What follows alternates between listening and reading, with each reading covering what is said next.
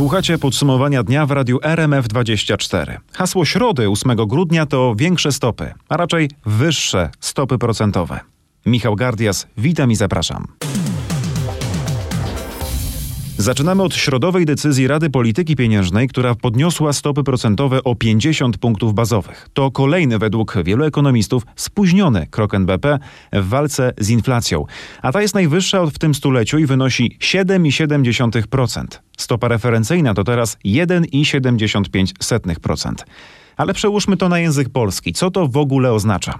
Przede wszystkim to, że raty kredytów będą jeszcze droższe, bo stopa referencyjna wpływa na stawkę WIBOR, a to przekłada się właśnie na koszt kredytu.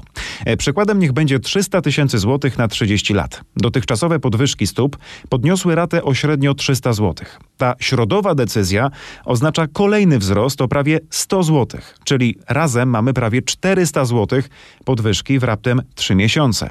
A według wielu ekonomistów Rada Polityki Pieniężnej nie powiedziała jeszcze ostatniego słowa. Prognozy na najbliższe lata sugerują, że ruch w górę może być jeszcze kontynuowany. Formułowane obecnie przewidywania sugerują, że podstawowa stopa procentowa docelowo może dotrzeć do poziomu około 2,5-3,5%. To niestety znaczy, że raty złotowych kredytów hipotecznych mogą jeszcze pójść w górę o kolejne 10 czy 15%. Zaznacza Bartosz Turek, główny analityk HR Investments. A co jeśli ktoś jeszcze nie ma kredytu, ale planuje go zaciągnąć? Podnoszenie stóp procentowych sprawia, że pożyczyć można mniej. Dzieje się tak dlatego, że przy wyższych stopach procentowych w górę idzie też oprocentowanie kredytu, a im droższy dług, tym mniej przy konkretnych zarobkach możemy pożyczyć. Już po decyzji z października i listopada, przykładowa trzyosobowa rodzina, w której obie osoby pracują i każda przynosi do domu pośredniej krajowej, straciła około 100 tysięcy złotych zdolności kredytowej. Jeszcze we wrześniu familia taka mogła bowiem pożyczyć na zakup mieszkania około 700 tysięcy złotych. Na początku grudnia było to już około 600 tysięcy. Ale wracając jeszcze do walki z inflacją przez podnoszenie stóp procentowych, zapytaliśmy o to Alicję Defratykę, ekonomistkę i autorkę projektu Ciekawe Liczby.pl. Pytanie brzmi, czy faktycznie podnoszeniem stóp da się zdusić inflację? Tak, da się, da się, tylko że te decyzje w ogóle są mocno opóźnione, bo podnoszenie stóp procentowych wpływa na rynek dopiero po około trzech kwartałach, czyli to, co się zadziało w październiku, będzie widoczne e, w gospodarce e, dopiero pewnie późną e, wiosną, więc to jest mocno spóźniona decyzja już, jeżeli chodzi o to podnoszenie stóp procentowych.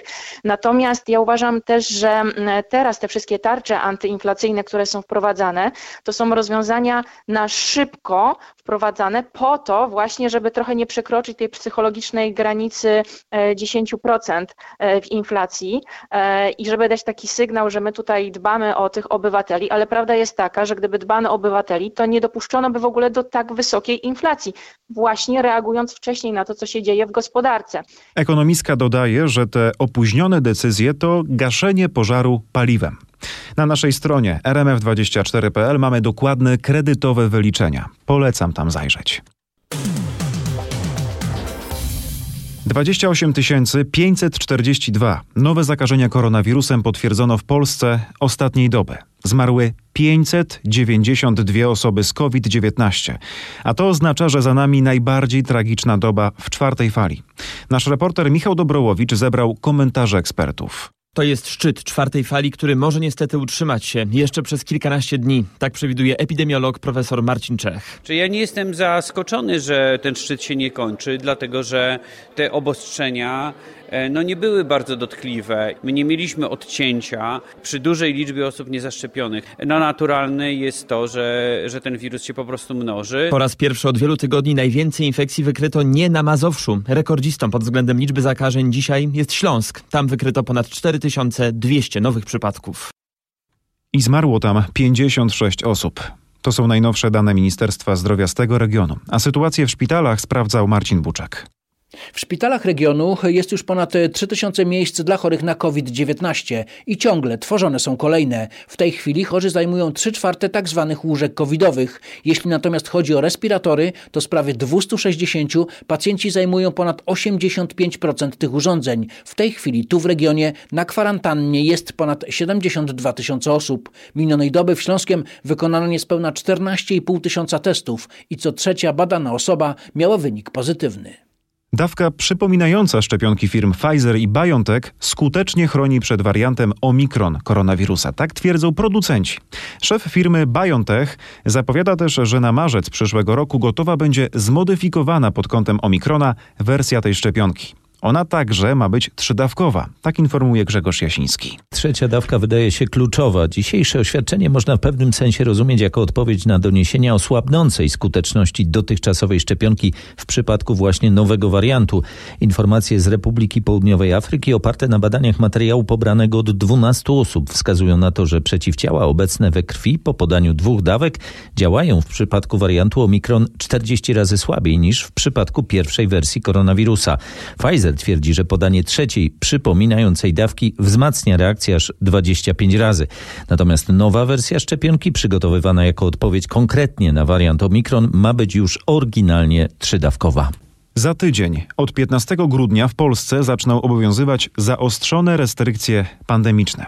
Na przykład takie, że nawet w pełni zaszczepione osoby przyjeżdżające do Polski spoza strefy Schengen e, od następnej właśnie środy będą musiały przejść test w kierunku koronawirusa. Jak będzie to działać w praktyce, wyjaśnia Michał Dobrołowicz.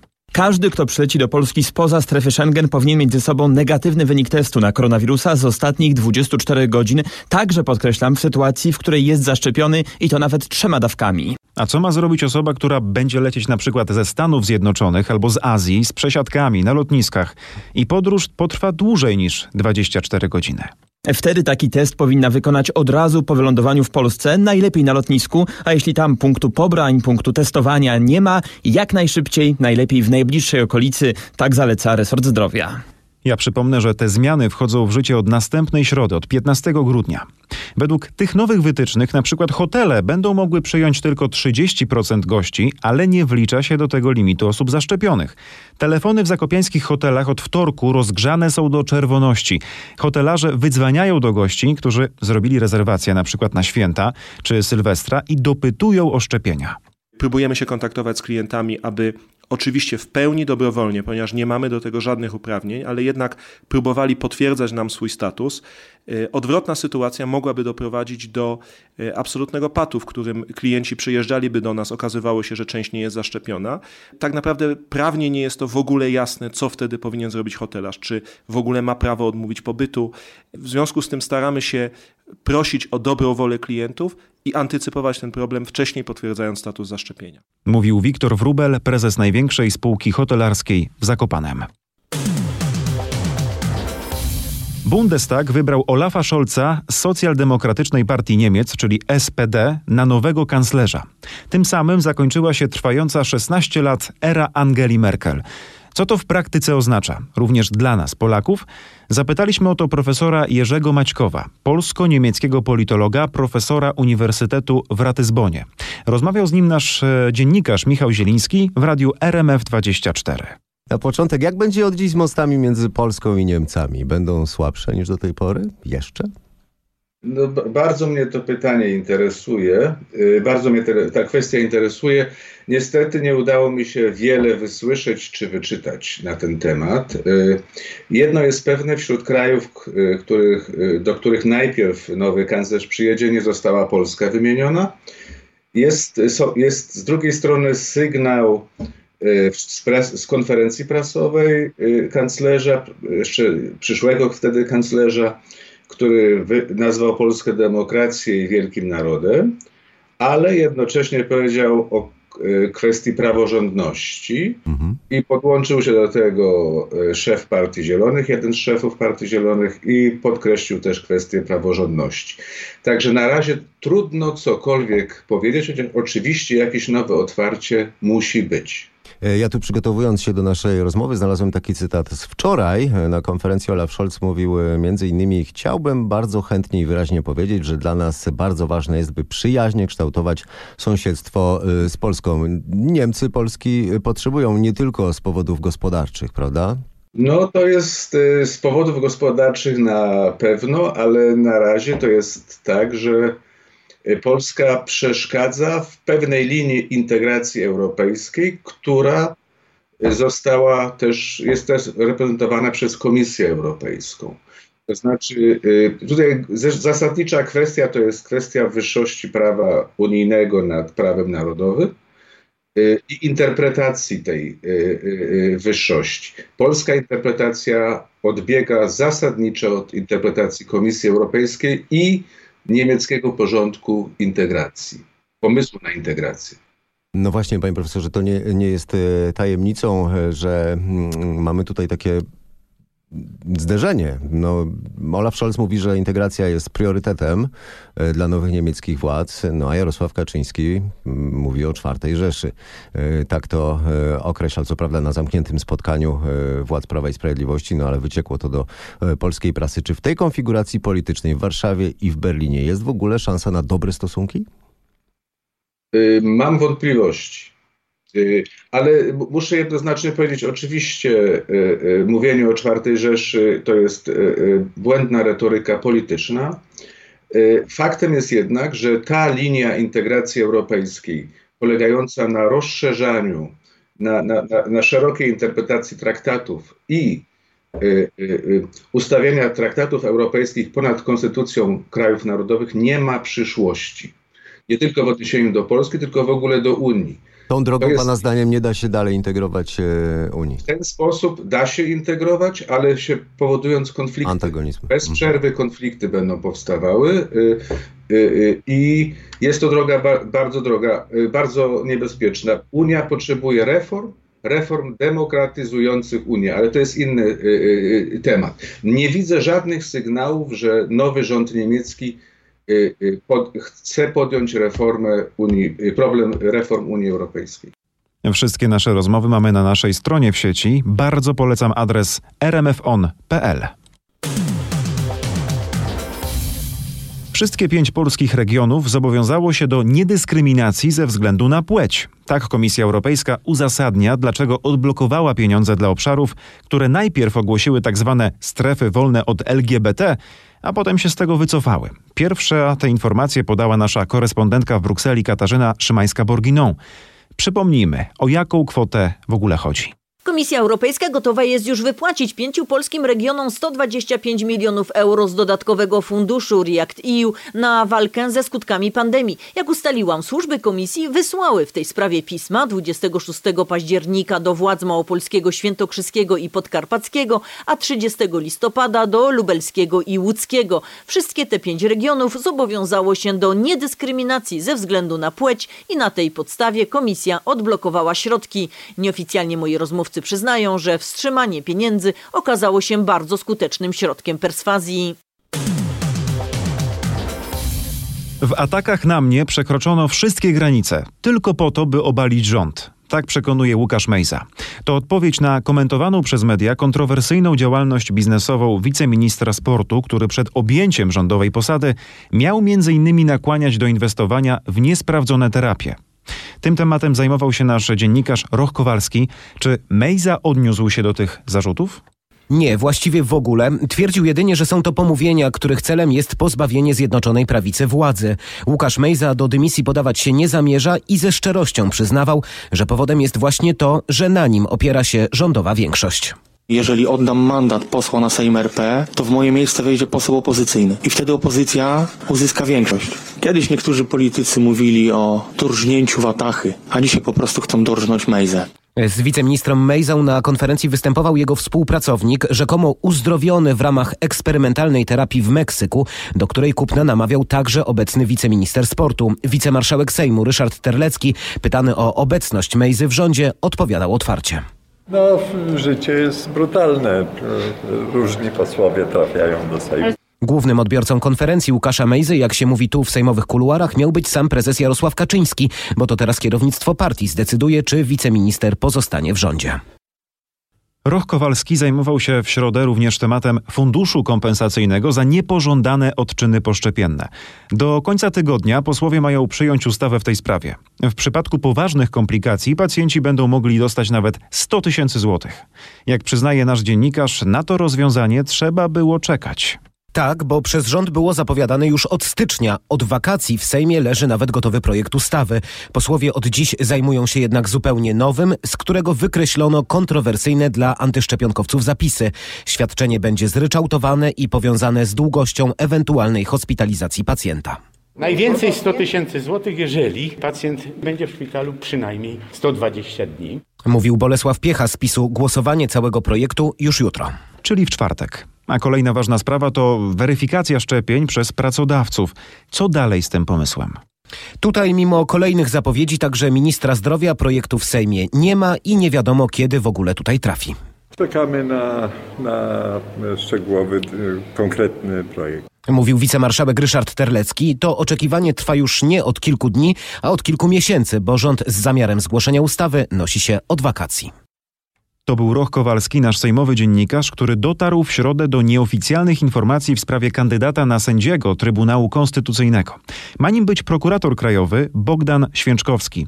Śledczego na to stanowisko rekomenduje Solidarna Polska. A politykom od pół roku nie udaje się wyłonić następcy sędziego Leona Kieresa. Rzeczywiście PiS nawet próbowało w tym czasie zgłosić swojego kandydata. Był nim Krzysztof Kamalski, który ostatecznie z wyścigu zrezygnował po trzech tygodniach, bo jak się okazało przed rekrutacją nie poinformował, że jest aktywnym lobbystą. Od tego czasu parlamentarne prace nad wyborem nowego sędziego przerwano, ale dyskusje toczą się w ramach Zjednoczonej Prawicy. Solidarna Polska chce powołania Bogdana Święczkowskiego, prokuratura, kra, prokuratora krajowego i prawej ręki ministra Zbigniewa Ziobry. Nominacja dla śledczego ma spore szanse na powodzenie bo Święczkowski z obożem rządzącym jest związany od 2005 roku. W ostatnich latach realizował wprowadzane w prokuraturze zmiany strukturalne i kadrowe, łącznie z degradowaniem i przenoszeniem wybranych śledczych.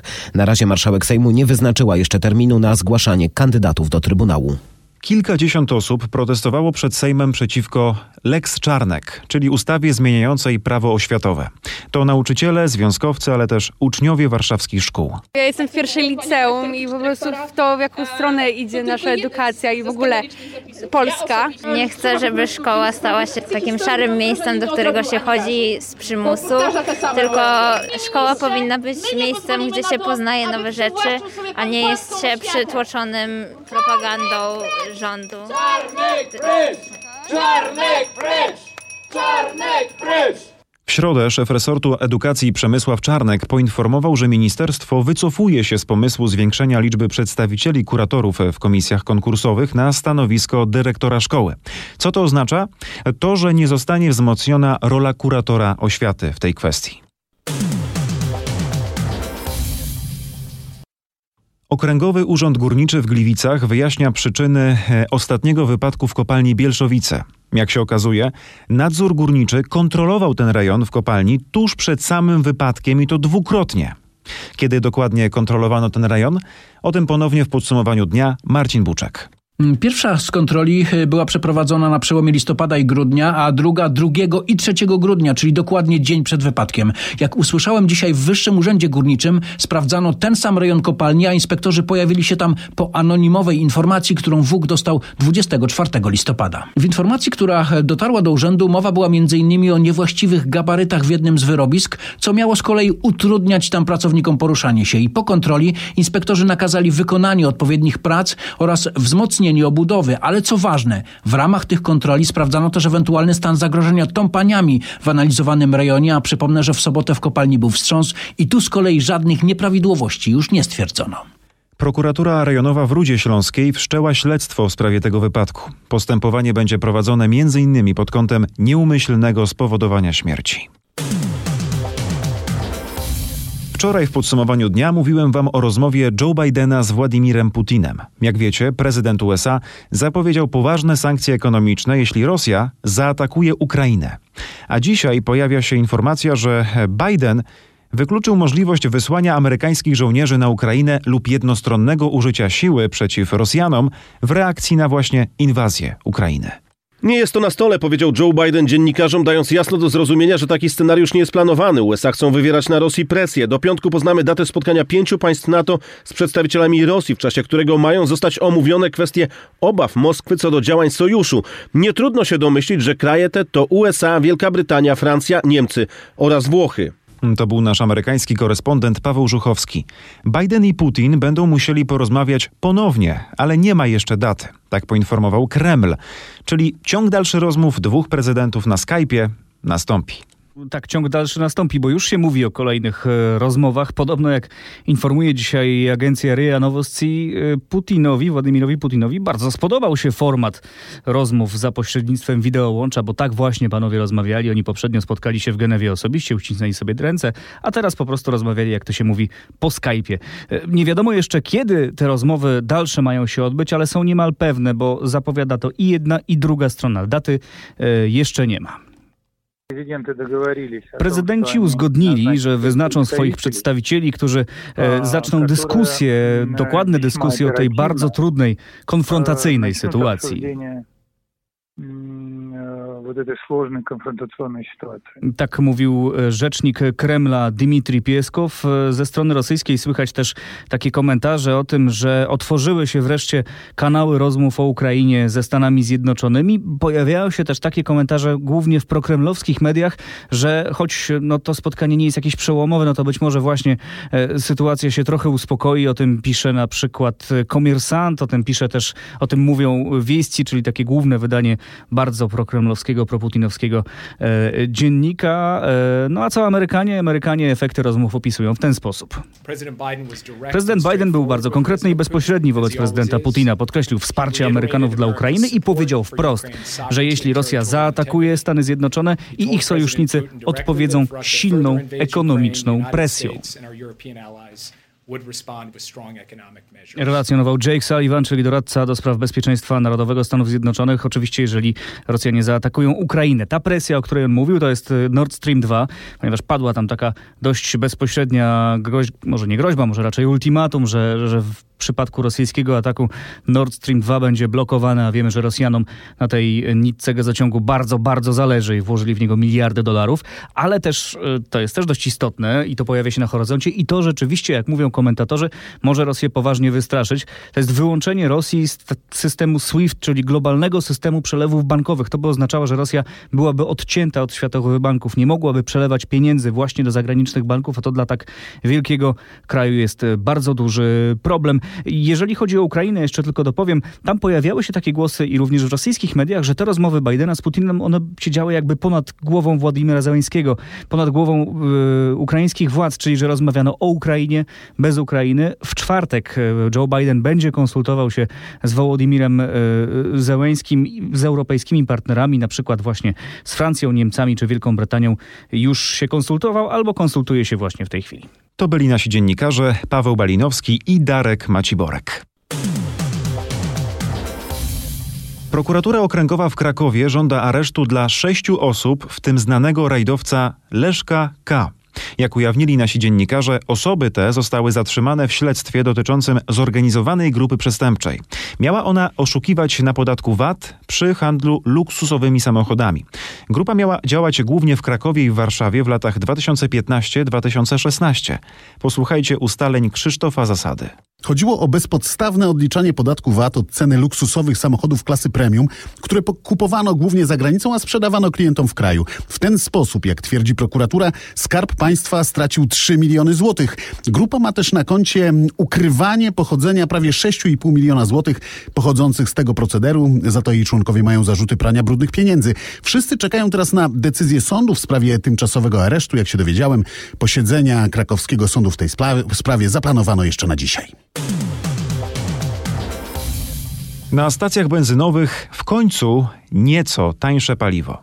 Nasz dziennikarz Maciej Sztykiel sprawdził, o ile teraz płacimy mniej. Według epetrol.pl bezołowiowa 95 w porównaniu z piątkiem jest tańsza o 5 groszy i średnio w kraju za litr zapłacimy 5,99.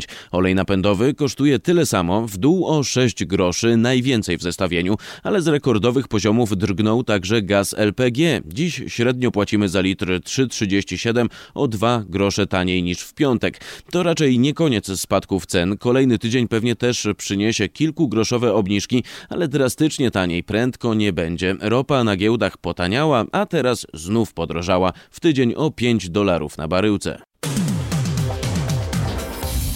W najbliższy weekend na Podhalu powinien się zacząć sezon narciarski z prawdziwego zdarzenia. Większość stacji narciarskich w Zakopanem, Białce czy Bukowinie zapowiada, że otworzy przynajmniej część wyciągów i tras narciarskich. Jak widać tutaj śniegu jest już bardzo dużo, w sobotę ruszamy. E, Ostatnie e, szlify, śnieżenie e, końcowe z tego co widać na Podhalu. Wszystkie stacje śnieżą, wszyscy wykorzystują te dni mroźne i, i w zasadzie większość stacji będzie się w sobotę otwierać. Ile się udało wyprodukować tego śniegu? No jest już wystarczająca warstwa, także narciarze się nie muszą obawiać. W zasadzie można powiedzieć, że do wiosny, do wiosny będziemy działać. Zapowiada w rozmowie z Maciejem Pałachickim Piotr Toporowski, właściciel wyciągu pod Wielką Krokwią w Zakopane. No na narty co prawda za kilka dni, bo w weekend, ale obiecuje, że kolejne podsumowanie dnia wróci już jutro. Tyle na dzisiaj. Michał Gardias bardzo dziękuję za uwagę i życzę dobrej nocy.